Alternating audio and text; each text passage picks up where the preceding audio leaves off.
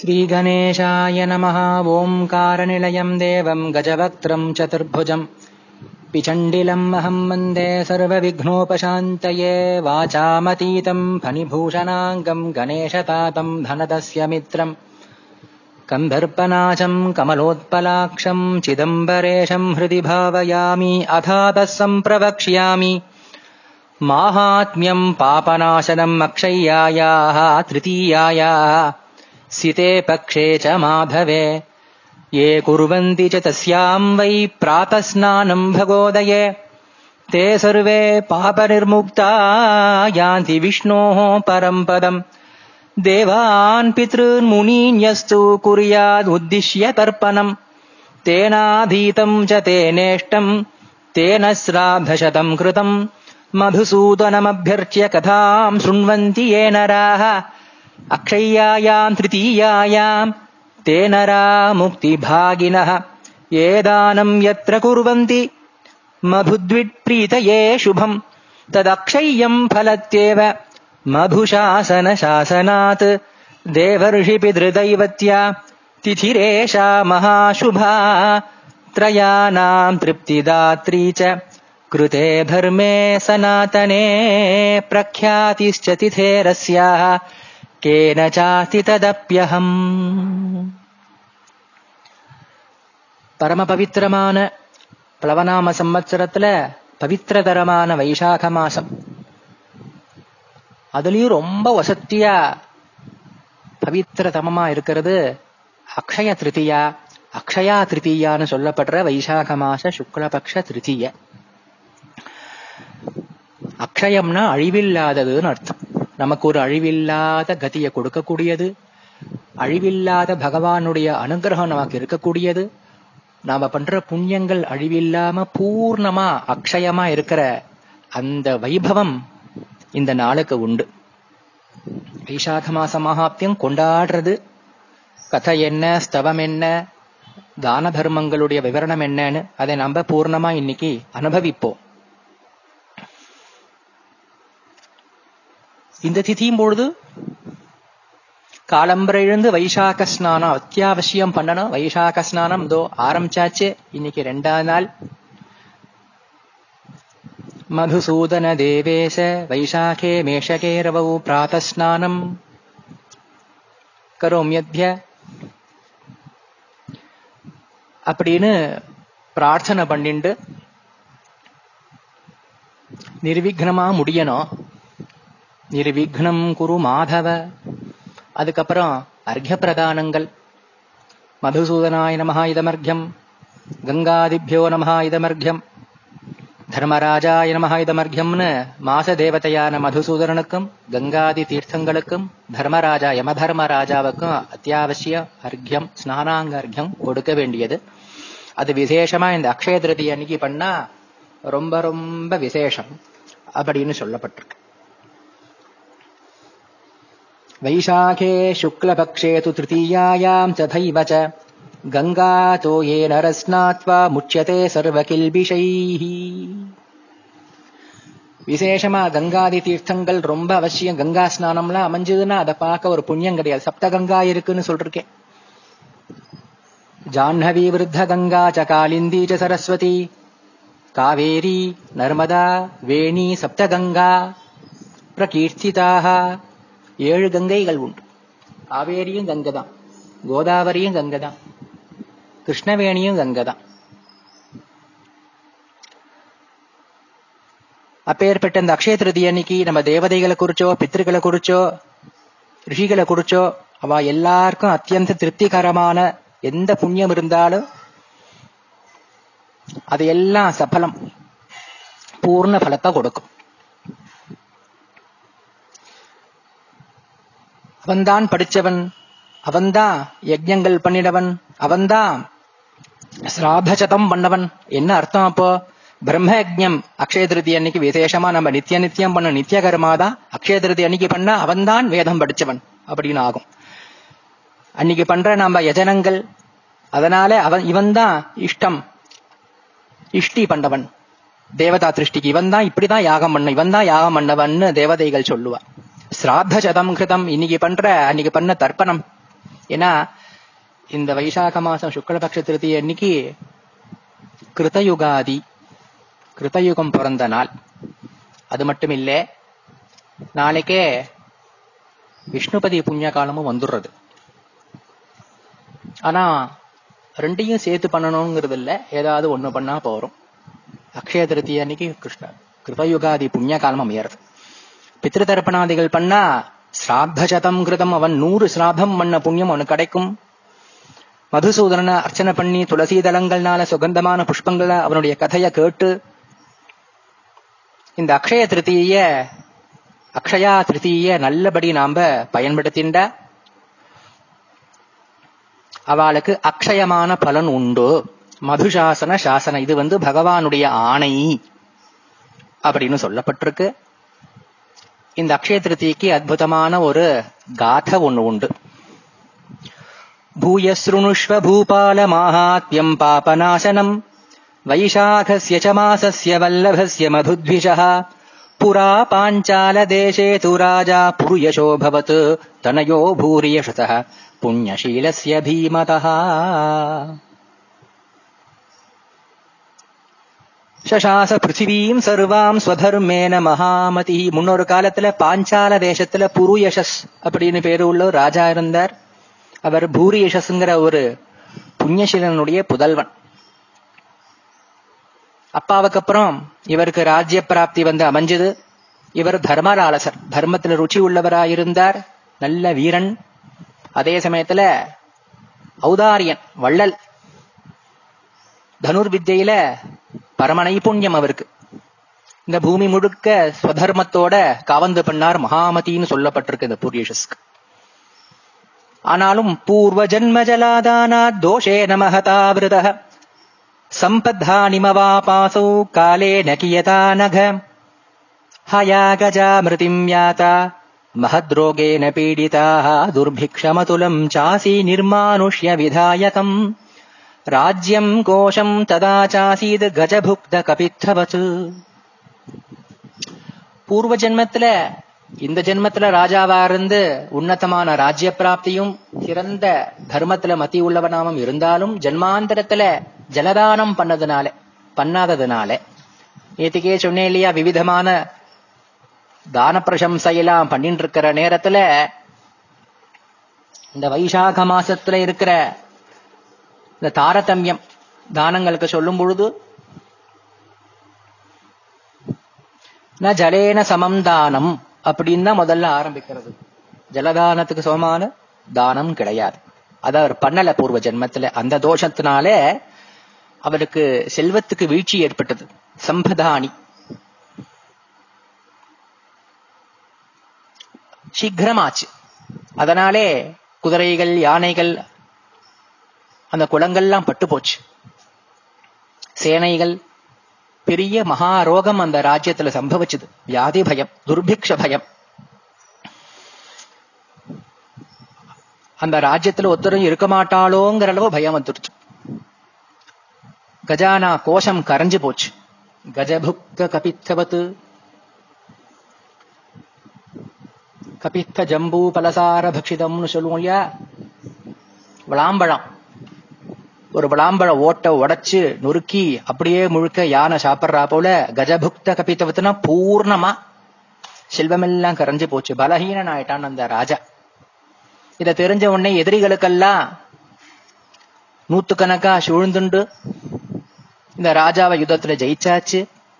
இந்த பாஞ்சால தேஜாதிபதியாக்கிற புருயசஸ் தன் மனைவியா இருக்கிற பராஜிதஸ்ததோ ராஜா விவேஷ கிரிகஹ்வரே சிகிஞா பாரியயா சாக்கம் தாத்ரியாதிகன சம்யுதா.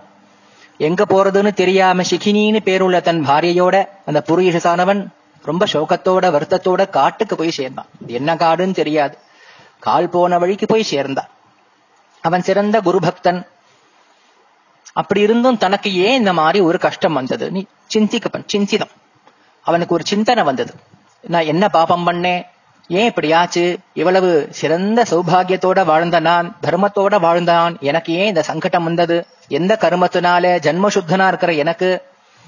அம்மா அப்பாவை மதிச்சு நடத்த எனக்கு குரு பக்தரான எனக்கு சிறந்த பிரம்மஞனான எனக்கு எப்பையும் எல்லாருமேலேயும் கருணையோடு இருக்கிற எனக்கு ஏன் இந்த மாதிரி கஷ்டம் உண்டாது எனக்கு இப்போ உதவுறதுக்கு எனக்கு ஒரு அண்ணன் தம்பி கிடையாது. நமே நமே பிராத்தா நமே புத்ரோ நச்சமே சுஹ்ருதோ ஹிதாக எனக்கு ஹிதம் ப- பண்றவ நண்பர்கள் இல்லாம இருக்கேனா எதுவும் இல்லை யாருமே கிடையாது எந்த கர்மத்தினால இப்பேற்பட்ட தாரித்யம் வந்து எனக்கு சம்பவிச்சது அபஜயம் எப்படி ஏற்பட்டது இப்படிலாம் சிந்தையோட யோசிச்சுட்டு இருக்கும் பொழுது அவன் தன்னுடைய குருமார்களை நினைச்சின்றான் ஆச்சாரியர்களை நினைச்சின்றான் யாஜோபயாஜகௌ நாம சர்வஜௌ முனிசத்தமௌ. ஆஜக்முதுர் முனீந்திரௌ தௌ ராஜ்ஞாஹூதௌ மகாமதி. உடனே தங்களை கூப்பிட்டா போல நினைச்சுண்டு அவ ரெண்டு பேரும் அந்த காட்டுல வசிச்சுட்டு இருந்த பாஞ்சால தேசாதிபதிக்கு முன்னாடி வந்தா. உடனே அவ தடி போல விழுந்து நமஸ்காரம் பண்ணி சிரசுனாலே அந்த நேரத்துல அவனுக்கு என்ன இருந்ததோ அதை வச்சு அவளுக்கு அர்கதாத்தியாதிகள் எல்லாம் கொடுத்தான் ஒரு ராஜா கொண்ட என்ன சின்னங்களும் கிடையாம நிஷ்கிஞ்சனா இருந்துட்டு இருந்தான் அவன். அந்த புரியஷஸ் அப்படின்னு பேரு உள்ள ராஜா. பேரளவுதான் ராஜா. அவன் அப்ப எந்த ராஜ்யத்துக்கும் ராஜா இல்ல. வனராஜா போல இருந்தான் பாதத்துல விழுந்து தடிய போல கை கூப்பி பூஜை பண்ணி அவ உட்கார்ந்த உடனே அவளை பார்த்து ரொம்ப துக்கத்தோட தன்னுடைய சரித்தம் முழுக்க அவளுக்கு தெரியும். அவன் விண்ணப்பம் பண்ணிண்டான். ஜன்ம சுத்தமா இருக்கிற எனக்கு எந்த துஷ்கர்மாவனால இப்பேற்பட்ட பயங்கரமான கதி. ராஜாவுக்கு ராஜ்ய பிரஷ்டம் ஏற்பட்ட அதை பார்க்க ஒரு கஷ்டம் கிடையாது. ஜனங்கள்லேருந்து எல்லாருக்கும் கஷ்டம். பெரிய வியாதி பயம் ஏற்பட்டது எதிரிகளுடைய பயம் ஏற்பட்டது. பெரிய பாபம் பண்ணியிருந்தாதானே இது ஆயிருக்கும் எனக்கு தெரிஞ்சு எந்த பாபமும் நான் பண்ணவன் இல்லையே. எனக்கு ஒரு புத்திரன் கிடையாது எனக்கு ஒரு பிராத்தா கிடையாது எனக்கு ஒரு நண்பன் கிடையாது. இப்படிப்பட்ட துர்பிக்ஷம் எனக்கு எப்படி வந்ததுன்னு உடனே யாஜோபயாஜகர்கள்னு சொல்லப்படுற அந்த ரெண்டு குருமார்களும் அந்த ராஜாவை பார்க்க சொன்னான் பூர்வ ஜென்மத்தோடு நடந்தது. நமக்கு நன்றும் நன்மையும் தீமையும் பிறர் தர வார. நாம பண்றதுதான் நம்ம அனுபவிக்கிறோம். மற்றவாள்லாம் ஹேது தான் நிமித்தங்கள் தான். உள்ளபடி காரணம் நமக்கு நாமளே தான் நல்லதும் கிட்டதுக்கு நாம தான் காரணம். நம்ம பண்ண கர்மா. இந்த ஜென்மம் பண்ணாட்டா ஜென்மாந்தரம் ஒன்றிருப்போம் அவ ஜென்மாந்தர கர்மாவை தான் திரிகால ஜானிகளா இருக்கணும் சொல்ல ஆரம்பிச்சா. சுணுபூப பிரவக்ஷியாவஸ்தவ துக்கசிய காரணம். புரா பூப மகாபாபி வியாதஸ்துவம் தச ஜன்மசூ. நிஷ்டுரः सर्वलोकानाम् सदा हिंसापरायणः தர்மலேச अकरक्वापि न दमो न च वैशमः न जिह्वा वक्तिदामानि विष्णोर्वापि कथञ्चन चेतस्मरति गोविन्दचरणाम्बुरुहद्वयम् न प्रणामकृत क्वापि शिरसा परमात्मने நவஜன்மானி தே பூபகதான்யேவம் துராத்மனः எப்பா நீ பூர்வ ஜென்மத்துல பத்து ஜென்மங்கள் வேட ஜென்மம் எடுத்தாய் நிஷ்டுரனா இருந்த கொஞ்சமும் மனசுல ஈரமே கிடையாது எல்லா உலகங்களுக்கும் கஷ்டம் கொடுக்கிறவனா இருந்துட்டு இருந்த எல்லா ஜீவன்களுக்கும் ஹிம்சை பண்ணிட்டு இருந்த கிஞ்சித்து கூட தர்மம் பண்ணவன் கிடையாது மனசடக்கம் கிடையாது வாயு ஒரு தடவையாவது பகவன்னாத நாமத்தை சொன்னது கிடையாது.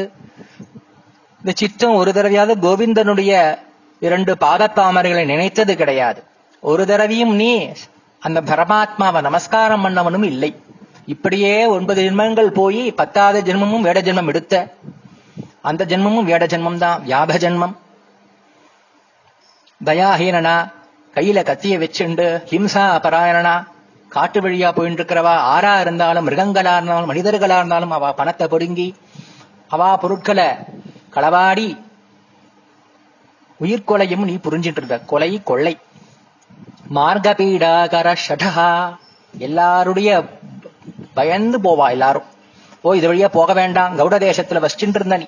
இவன் பெரிய ராட்சசன். மனிதர்கள்லாம் திங்கரா போல இருக்கிற எல்லாருக்கும் ஹிம்சை பண்ணிட்டு இருக்கான் போக வேண்டான் பயந்துட்டு இருப்பான். இருந்தாலும் போறவாள் அவன். விஸ்வாசகாதகம் பண்ணி வஞ்சனை பண்ணி நீ கொண்டுட்டு இருந்த. அப்போ நீ ஒரு காட்டுல இதுக்கு முன்னாடி இருக்கிற ஜென்மத்துல அந்த வேடனா பத்தாவது வேட ஜென்மம் எடுத்திருக்கிற நேரத்துல ரெண்டு வைஷ்யர்கள் வியாபாரிகள் வியாபாரத்துல இருக்கிற அந்த சொத்தெல்லாத்தையும் பத்திரப்படுத்தி எடுத்துண்டு மூட்டையில கட்டிண்டு பணத்தை எடுத்துண்டு அவளோட எதேச்சியா ஒரு முனிவர் அவருக்கு கருஷனர்னு பேரு. முனிஷ்ச கருஷனோ நாம வேத வேதாங்க பாரகா. ஜட்டாச்சீரதர புண்ணிய கமண்டலு பரிகிரகா ஜட்டாதாரி ஒண்ணும் கிடையாது. ஒரு சீர வஸ்திரம் கிழிஞ்ச வஸ்திரம் மர ஆடை கமண்டலு ஒரு பாத்திரம் வேற எது- வேற எதுவுமே கிடையாது அவருக்கு. எல்லாரும் சேர்ந்து போயின்னு இருக்கா காட்டு வழியா போயின்னு இருக்கா அதை பார்த்து தடுத்து நிறுத்தி வில்லுல அம்பு பூட்டி ஒரு வியாபாரிய கொன்னாச்சு நீ. உடனே இன்னொருத்தன் அவன் பணத்தை நீ புடுங்கிட்டாச்சு பண மூட்டை. இன்னொருத்தன் தன் முன்னூறு பண மூட்டைய பக்கத்துல இருக்கிற பொந்துல தூக்கி எரிஞ்சிட்டு உயிரை காவந்த பண்ண ஓடினான் அலறிண்டு. அவன் எங்க போனான்னு தெரியாது. அவன் எங்க தூக்கி அந்த பணம் உனக்கு கிடைக்கல. அப்போ தன்னையும் கொழுடுவானோ அப்படின்னு அந்த கருஷனருங்கிற முனிவர் கொடுமையான இந்த வெயில் காலத்துல அது வைசாக மாசம் போல இருக்கு.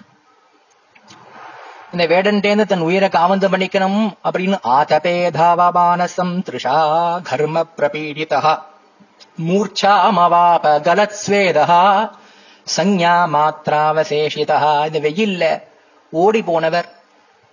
தொண்டை வறண்டு வெயில் கொடுமையான வெயில் மேலேயும் உச்சி வெயில் கொளுத்துறது. அவர் மயங்கி விழுந்துட்டார். உடனே நீ அவர் பக்கத்துல போய் அவர் மேல பக்கத்துல இருக்கிற குட்டையிலேருந்து தண்ணி எடுத்து தெளிச்சு அது சேரும் பூச்சியும் இருக்கிறதா இருந்தது. அதை எடுத்தும் கண்ணை தொடச்சு விட்ட. நேத்திரே சம்ருஜ்ய ஸ்ராந்தசிய பருணை சம்வீஜ தன்முகே. பக்கத்துல இருக்கிற புருஷ இலையை வச்சுட்டு விசிறின.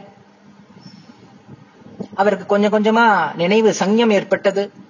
அவரை பார்த்து சொன்னா நீ சொன்ன மாசங்காதே முனே காரியா மத்த சஸ்திரபுருதோவனே நிஷ்கிஞ்சன சுகி லோகே குதஸ்தே பயமுல்பனம் பின்ன பாத்திரேன ஜீர்ணேன. நமே கிஞ்சித் பவிஷ்யதி.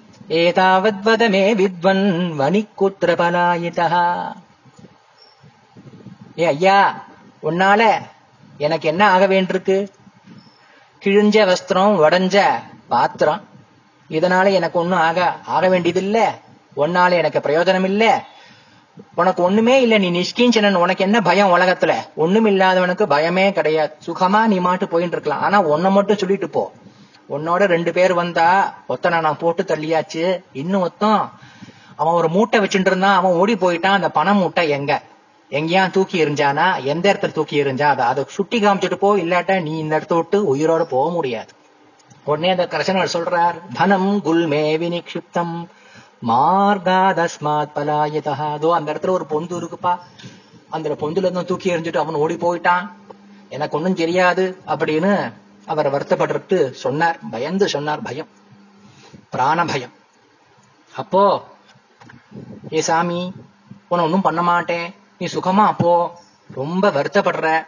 பாவம் இந்த வெயில்ல வந்து மாட்டின்னுட்ட அவனுக்கு ஏதோ கருணையா பேசுறா போல பேசினான் ஏன்னா அவனுக்கு பணம் எங்கன்னு தெரிஞ்சு இல்லையோ. இங்கேருந்து கொஞ்ச தூரம் போனேன்னா ஒரு தடாகம் உண்டு. அங்க குளிர்ச்சியான நீர் இருக்கு. அத குடி. அங்க குழி பக்கத்துல ஒரு கிராமம் இருக்கு. அங்க போனா உனக்கு ஆகாரம் கொடுத்தாங்க. யாரான் கிடைக்கும் நிச்சயம் கிடைக்கும். இங்க அவன் போட்ட கூச்சல்னால ராஜபட்டர்கள் வரா. காவலாளர்கள் வரா. அதனாலே நான் உன்னோட இருக்க முடியாது. நான் இன்னொருத்துக்கு போக போறேன். நீ போய் இந்த தடாகத்தை நோக்கி போய் இப்படி எல்லாம் சொல்லிட்டு நீ போன. பத்தாவது ஜென்மத்துல அந்த முனிவருக்கு ஏதோ ஒரு காரணத்தினாலே அவருக்கு பிராணரக்ஷ பண்ண கண்ணை தொடச்சி விட்ட. அவருக்கு விசிற நீ நீ அந்த புறசலையினால் விசிறின அந்த வி- அந்த புறச இலக்குச்சியை கொடுத்து இந்தா இதை விசிறிண்டு போ உனக்கு கொஞ்சம் சாந்தமா. பருணேன கர்ம கிஞ்சித் கமிஷ்யதி வீஜமானேன. கொஞ்சம் விசிறிண்டு போ உனக்கு கொஞ்சம் வெயில் களைப்பு குறையும் சொல்லி விசிறிங்கிறது புறசையில கொத்து. அததான் கொடுத்த நீ. தஸ்மை தத் பாபலாசம் ச त्वमागा விபினம் புனः தேன புண்ணிய பிரபாவேன வைசாக்கே घर्मघर्घरे स्वकार्यार्थम् कृतेनापि मुनेस्त्राणाय पद्धतौ जन्मासीत्ते महापुण्ये राजवंशेति विस्तृते அப்பா உன்னுடைய ஸ்வகாரியத்துக்கா உனக்காக தான் நீ பண்ண ஒன்னும் கருணை உனக்கு அந்த முனிவர் மேல காரணம் இல்லாம இல்ல அதனால உனக்கு பிரயோஜனம் ஏற்படணும் ஏற்பட்டது அதுக்காக தான் நீ கருணை பண்ண இருந்தாலும் அந்த வெயில் காலத்துல அந்த முனிவருக்கு நீ பண்ண விசிறி விட்டதும் அவருக்கு ஜடா ஜலாசயம் இருக்குன்னு சொன்னதும் அவருக்கு அந்த அபயம் கொடுத்ததும் அபயதானம் கொடுத்தது இந்த ஜென்மத்துல உனக்கு பெரிய அந்த ஒரு புண்ணியம் உனக்கு ராஜவம்சத்துல உனக்கு பிறக்க வச்சிருக்கு.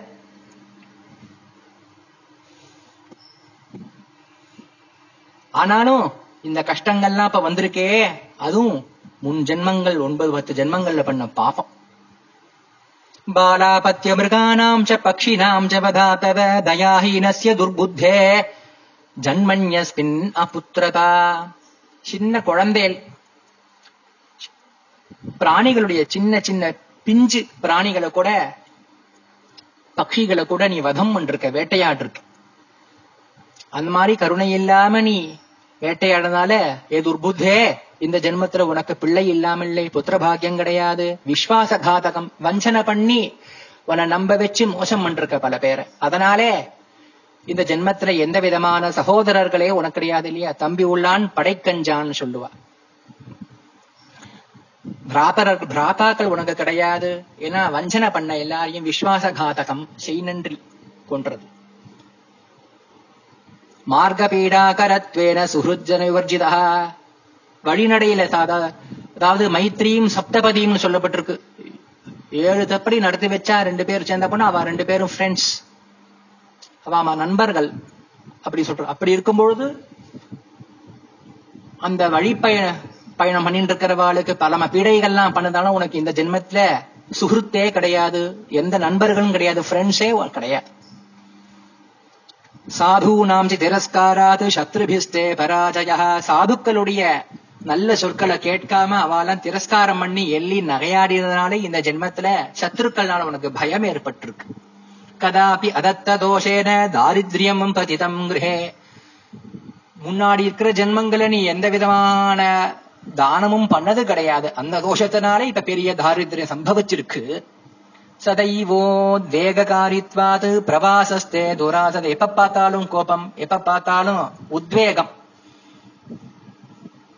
எரிஞ்சு எரிஞ்சு உழறது இந்த மாதிரி எல்லாம் பண்றதுனால உனக்கும் இடம் இல்ல மத்தவாலாம் உன்னுடைய சுபாவத்தை பார்த்து ஓடி போயிடுவா உன்னை விட்டு. அத போல நீயும் ஒன்றானது ஓடி போய் காட்டுல உட்கார்ந்துட்டு இருக்க பிரவாசம் ஏற்பட்டது உனக்கு. சர்வேஷாம் அப்பிரியத்வாச்ச துக்கம் அத்தியந்த துஸ்ஸகம். எல்லாருக்கும் அப்பிரியமா இருப்ப நீ. இனிய உளவாக இன்னாத குரல் கனி இருப்ப காய் கவர்ந்தற்றுங்கிற போல கொடுமையா பேசிண்டும் அப்பிரியமா எல்லார்ட்டையும் கசக்கரா போல இருந்த நீ அதனாலே இப்படிப்பட்ட துக்கம் உனக்கு ஏற்பட்டது.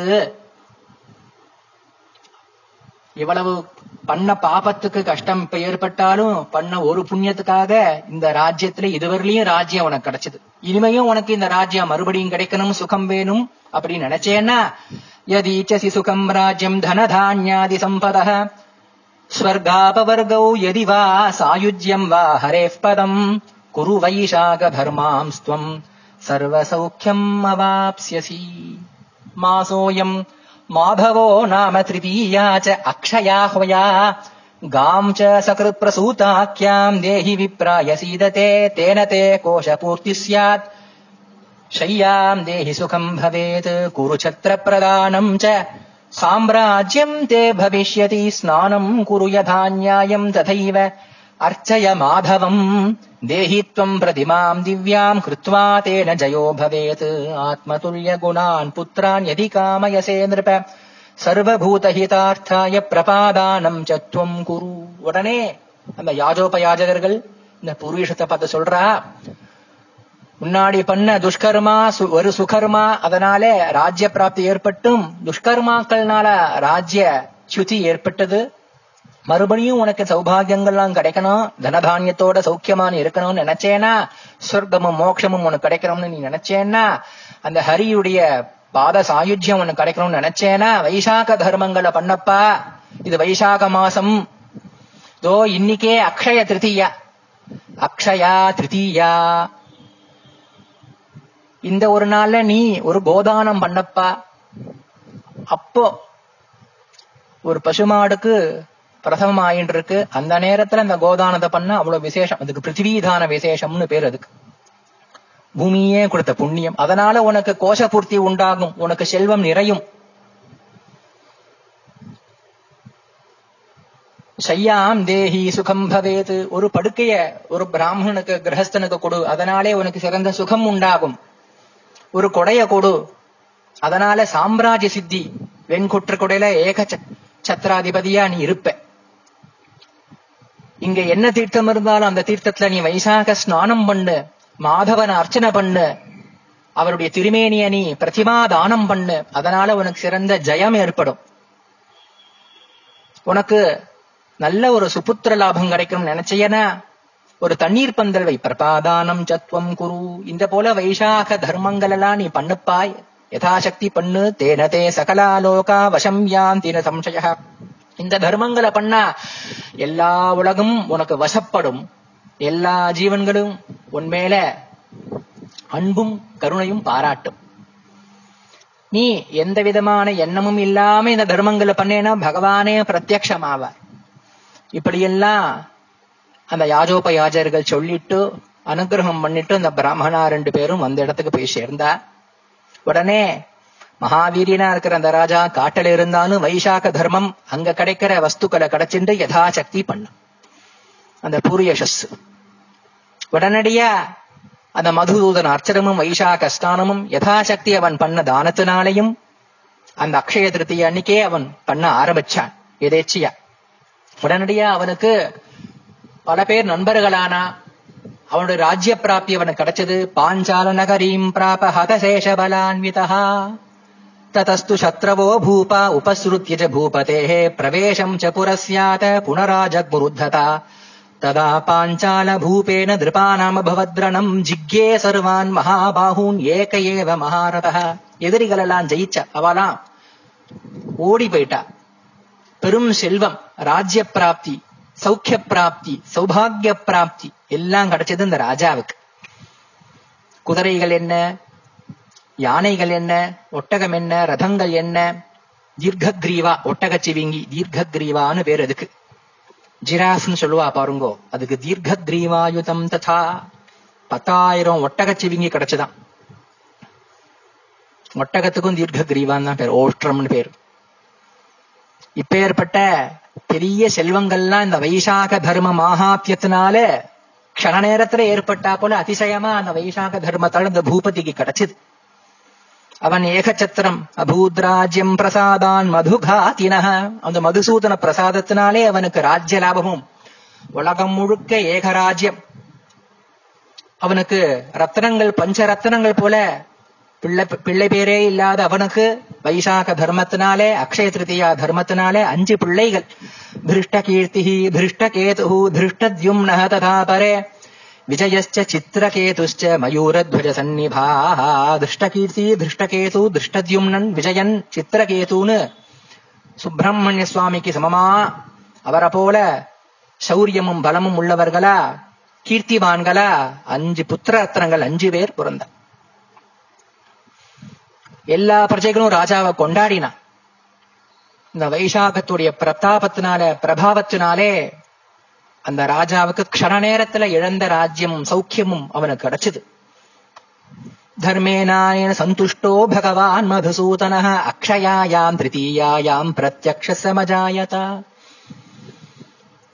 எல்லாம் கிடைச்சும் அவன் பகவானே ஆசை ஏதும் எது மேலேயும் படாம எனக்கு இது வேணும் அது வேணும் நினைக்காம பகவானே நினைச்சு புண்ணிய கர்மாக்கள் பண்ணிட்டு இருந்த அந்த புருஷசுக்கு மட்டும் ஒரு இன்னொரு அக்ஷய திருதி அன்னைக்கு அடுத்த அக்ஷய திருதி அன்னைக்கு பகவான் சங்கு சக்கர கதாபாணி பீதா மரதரன் வனமானா விபூஷிதன் லக்ஷ்மி நாராயணன் கருடவாகனன் பகவான் பிரத்யமாயி உனக்கு என்ன வேணும் அப்படின்னு கேட்கிறா போல சிரிச்சுட்டு இருந்தார் உடனே மேனி சிலுத்து தடிய போல கீழே விழுந்து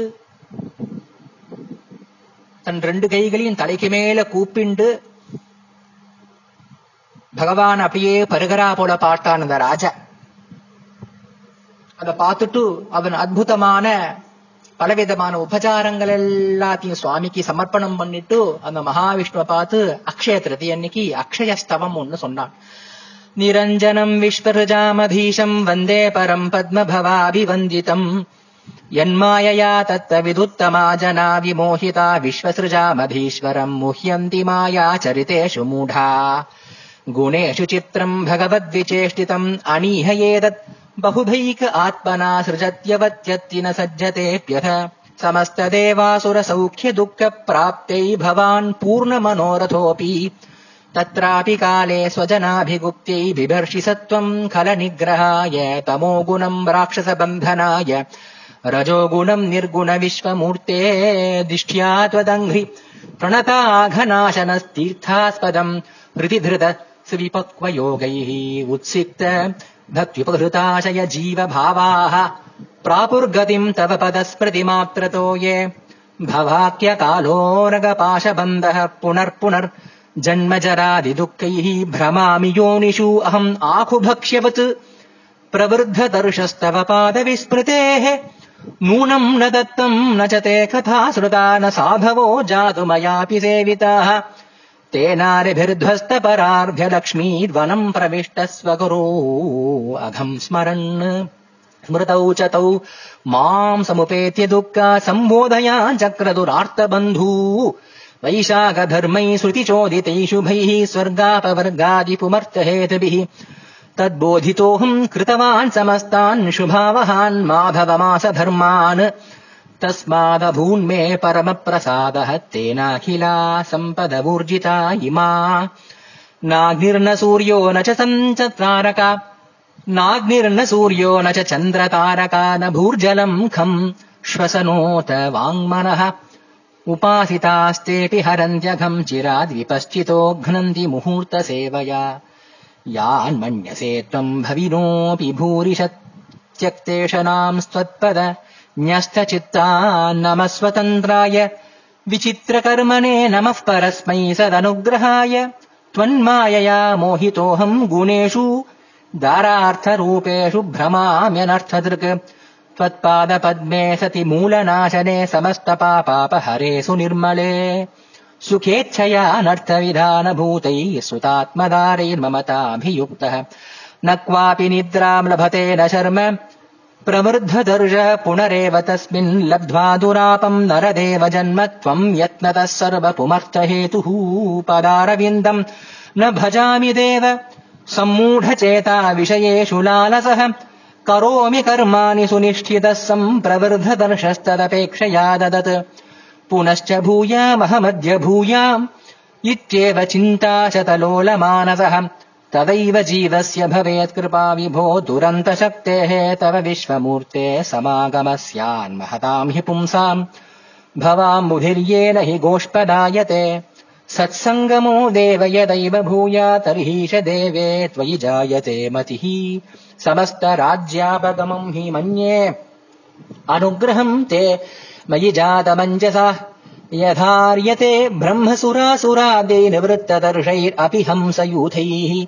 इतस्मरामि अच्युतमेव सादरम् भवापहम् पादसरोरुहम् विभो अकिञ्चन प्रार्थ्य ममन्दभाग्यदम् न कामये अन्यत्तव पादपद्मात् अतो न राज्यम् न सुतादिकोशम् देहेन शश्वत्पतदा रजो भुवा। भजामि नित्यम् तदुपासितव्यम् पादारविन्दम् मुनिभिर्विचिन्त्यम् प्रसीद देवेश जगन्निवास स्मृतिर्यथा स्यातव पादपद्मे। शक्तिः सदा गच्छतु दारकोशपुत्रात्मचिह्नेषु गणेषु मे प्रभो भूयान्मनः कृष्णपदारविन्दयो वचांसि ते दिव्यकथानुवर्णने। नेत्रे ममे मे तव विग्रहे क्षणे श्रोत्रे कथायाम् रसना त्वदर्पिते घ्राणम् च त्वत्पादसरोजसौरभे। तद्भक्तगन्धादिविलेपने सकृत्।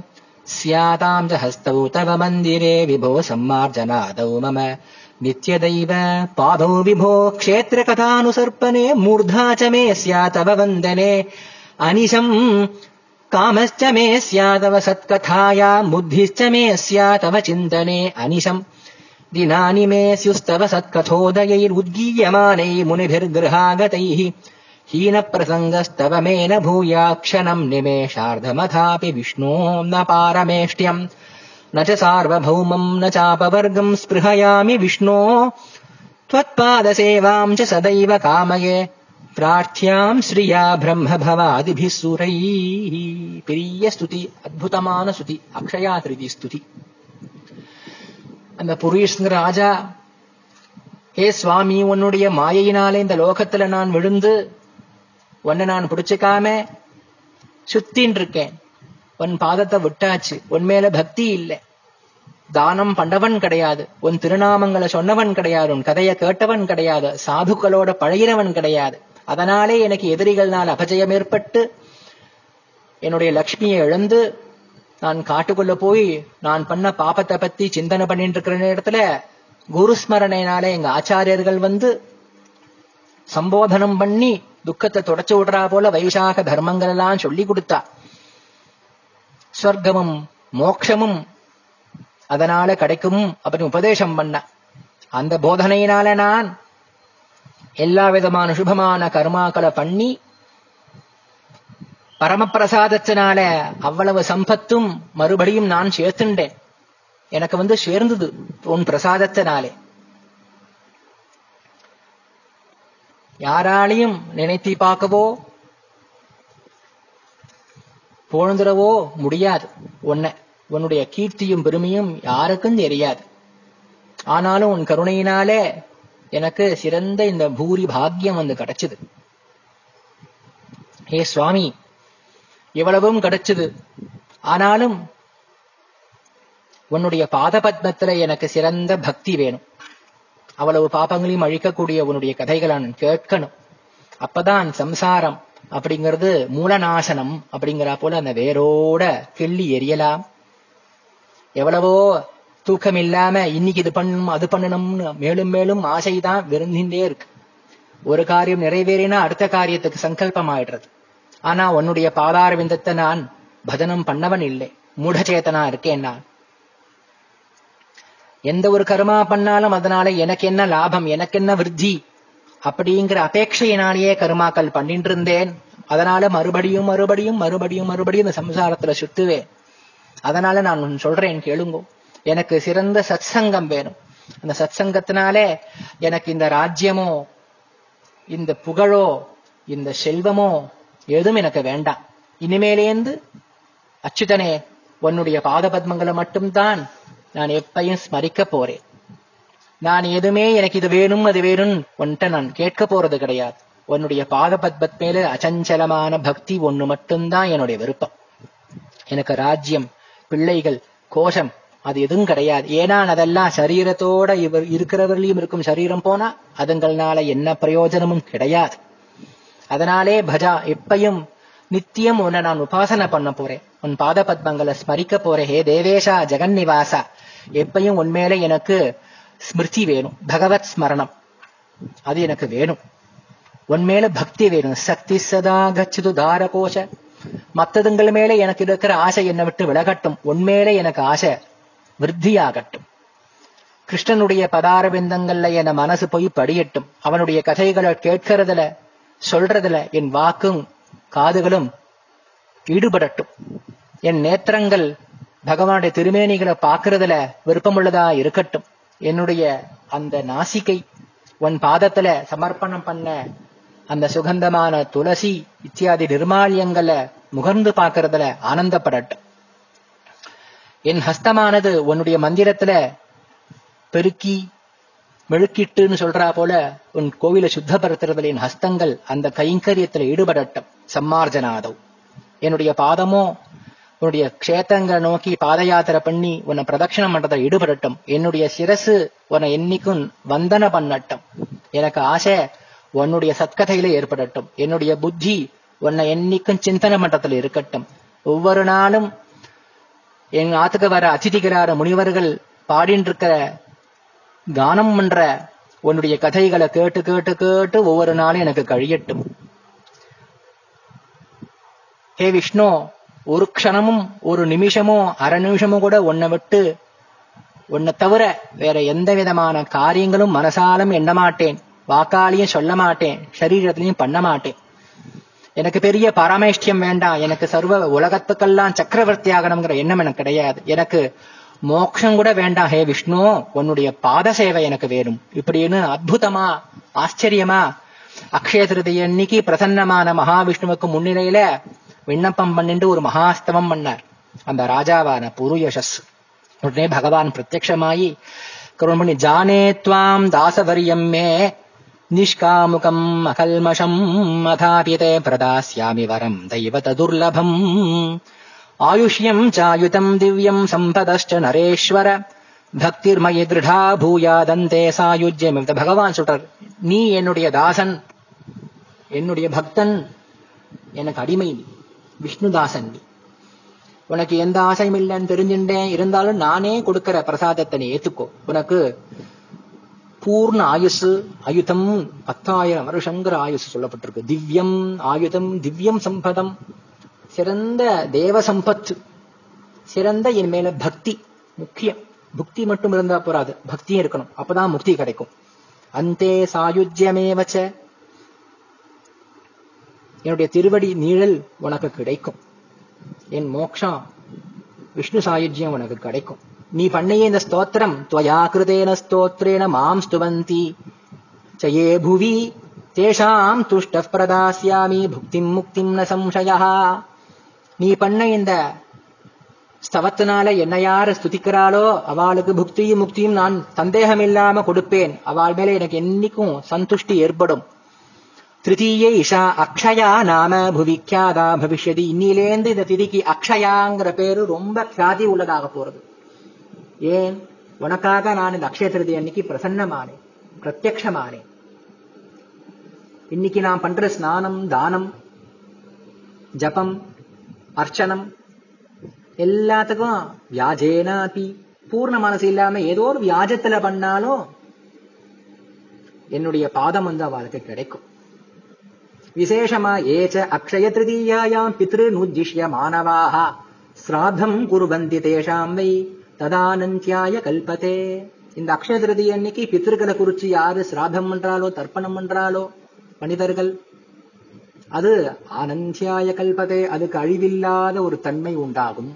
பித்திருக்களுக்கு பித்திருக்களுடைய ஆசீர்வாதம் பூர்ணமா அவளுக்கு அத்தியந்த திருப்தி அக்ஷய திருப்தி உண்டாகும். இதெல்லாம் பகவானுடைய வாக்கியம்.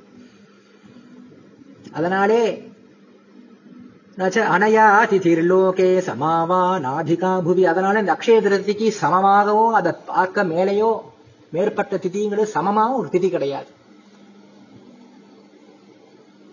ஈடு இணை இல்லாத ஒரு திதி அக்ஷயா திருத்தியா. அஸ்யாம் கிருதம் சொல்பமபி தத் அக்ஷயம் பலம் பவேத். அன்னைக்கு எத்கிஞ்சித் நம்ம சக்தியானுசாரம் கிஞ்சித் பண்ண புண்ணியம் பண்ண ஸ்நானம் பண்ண தானம் பண்ண தர்மம். அது எல்லாம் அக்ஷயமாகும். அன்னைக்கு கோதானம் பண்ணா பிராமணனான ஒரு குடும்பியான கிரகஸ்த பிராமணனுக்கு கோதானம் பண்ணா சர்வ சம்பத் சம்பத் அப்படியே கனகதாராங்கிற போல அப்படி சம்பத்து வருஷம் மழைய போல பொழியுமா சம்பத்து அவனுக்கு. கோ சம்ரக்ஷணம் பண்றதுக்காக பண்ற உதவி அப்படி ஒரு புண்ணியத்தை கொடுக்கக்கூடியது. சந்தேகமே கிடையாது. முக்தி கதை கையிலேயே முக்தி இருக்கு. புக்தி முக்தியும் கையில இருக்கு. அக்ஷய திருதி அன்னைக்கு. அவ்வளவு எளிதில அவ்வளவு கிட்ட இருக்கான். உபயோகப்படுத்திக்கணும். யோஹிதத்யாத் அனட்வாஹம் சர்வ பாப விநாசனம். காலமிருத்திய விமுக்தஸ்யா தீர்காயுஷ்யமவாப்னுயாத். இந்த வைசாக மாச தர்மங்கள் எல்லாத்தையும் நாம பண்ணோம்னா காலமிருத்தியிலிருந்து தப்பிச்சு இந்த ஜரா ஜென்ம பயமெல்லாம் போய் அவ பாப்பங்களை அழிச்சு என்னோட நான் அவளை சேர்த்துக்கிறேன். மாசோமே மாதவ பிரியா எனக்கு ரொம்ப பிரியமான மாசம் இந்த வைசாக மாசம். அதனாலே என் பாதத்தை ஸ்மரிச்சுண்டு என் துஷ்டிக்காக எல்லா வைசாக தர்மங்களையும் பிரபாதானம் என்ன ஜலதானம் என்ன சத்திரதானம் கோதானம் அன்னதானம் பித்ருதர்ப்பணம் பகவத் ஸ்தவனம் வியஜனதானம் கொடை தர்மகடதானம் இவ்வளவும் பண்ணணும். அப்படின்னு சொல்லிட்டு ஆசீர்வாதம் பூர்ணமா பண்ணிட்டு அந்த லக்ஷ்மி சகாயன மதுசூதனன் பகவான் அந்தர்தானமானார். இந்த பிருத்திவிய அவர் பிரசாதத்தினால கிடைச்சதுனால தனக்குன்னு ஆசை இல்லாம பகவதுடைய ஆக்ஞையினாலே புருயசஸ் நெடுங்காலம் சுகமா பகவான சிந்தனை கொஞ்சம் கூட மாறாம அற்புதமா ராஜ்யபாலனம் பண்ணிட்டு கடைசியில அவனுக்கும் புக்துவா மனோரதான் சர்வான் தேவானாமபி துர்லபான் அந்தே ஜகாம சாயுஜ்யம் விஷ்ணோ தேவசிய சக்ரினஹா மனோரதங்கள்லாம் நிறைவேறினா கடைசியில அந்த புருயசத்துக்கும் சிறந்த ஹரிசாயுஜ்யம் கிடைச்சது. இந்த பரமாக்கியானத்தை இதம் பரமாக்கியானம் சுண்வந்தி ஸ்ராவயந்தி ச. தே சர்வே பாபடிர்முக்தா யாந்தி விஷ்ணோ பரம்பதம் இந்த பரமாக்கியானத்தை புருஷஸுக்கு கிடைச்ச பாக்கியம் அவன் கிடைச்ச பக்தி. அதனால அவன் கிடைச்ச முக்தி. இது எல்லாம் யாரு கேட்கிறாளோ கேட்க பண்றாளோ அவ்வளவு பாபங்களும் விடுபட்டவாளா இருந்து அவளுக்கும் விஷ்ணோஹோ பரமம் பதம் அப்படின்னு சொல்றா போல அந்த விஷ்ணு பதம் அவசியம் கிடைக்கும். அதனால இந்த நாளை நம்ம வீணாக்கவே கூடாது. அது மட்டும் இல்லாம விசேஷமா தர்மகடதானம் அப்படின்னு சொல்லி இந்த நாள் பண்ணணும். தர்மகடம் அப்படின்னா என்னன்னா ஒரு குடம். அந்த குடத்துல நீர் நிறைச்சு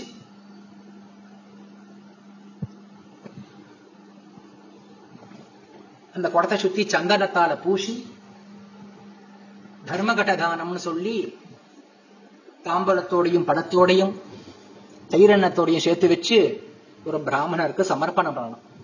தர்மத்வம் கடரூபேண பிரம்மணா நிர்மித புரா. त्वयि दत्ते अक्षया लोका मम सन्तु निरामयाः। यथा त्वम् शीतलो नित्यम् सम्पूर्ण शीतवारिणा तथा माम् सुरशार्दूल शीतलम् कुरु धर्मराट्। एष धर्मघटो दत्तो ब्रह्म विष्णु शिवात्मकः अस्य प्रदानात् सफला मम सन्तु मनोरथाः।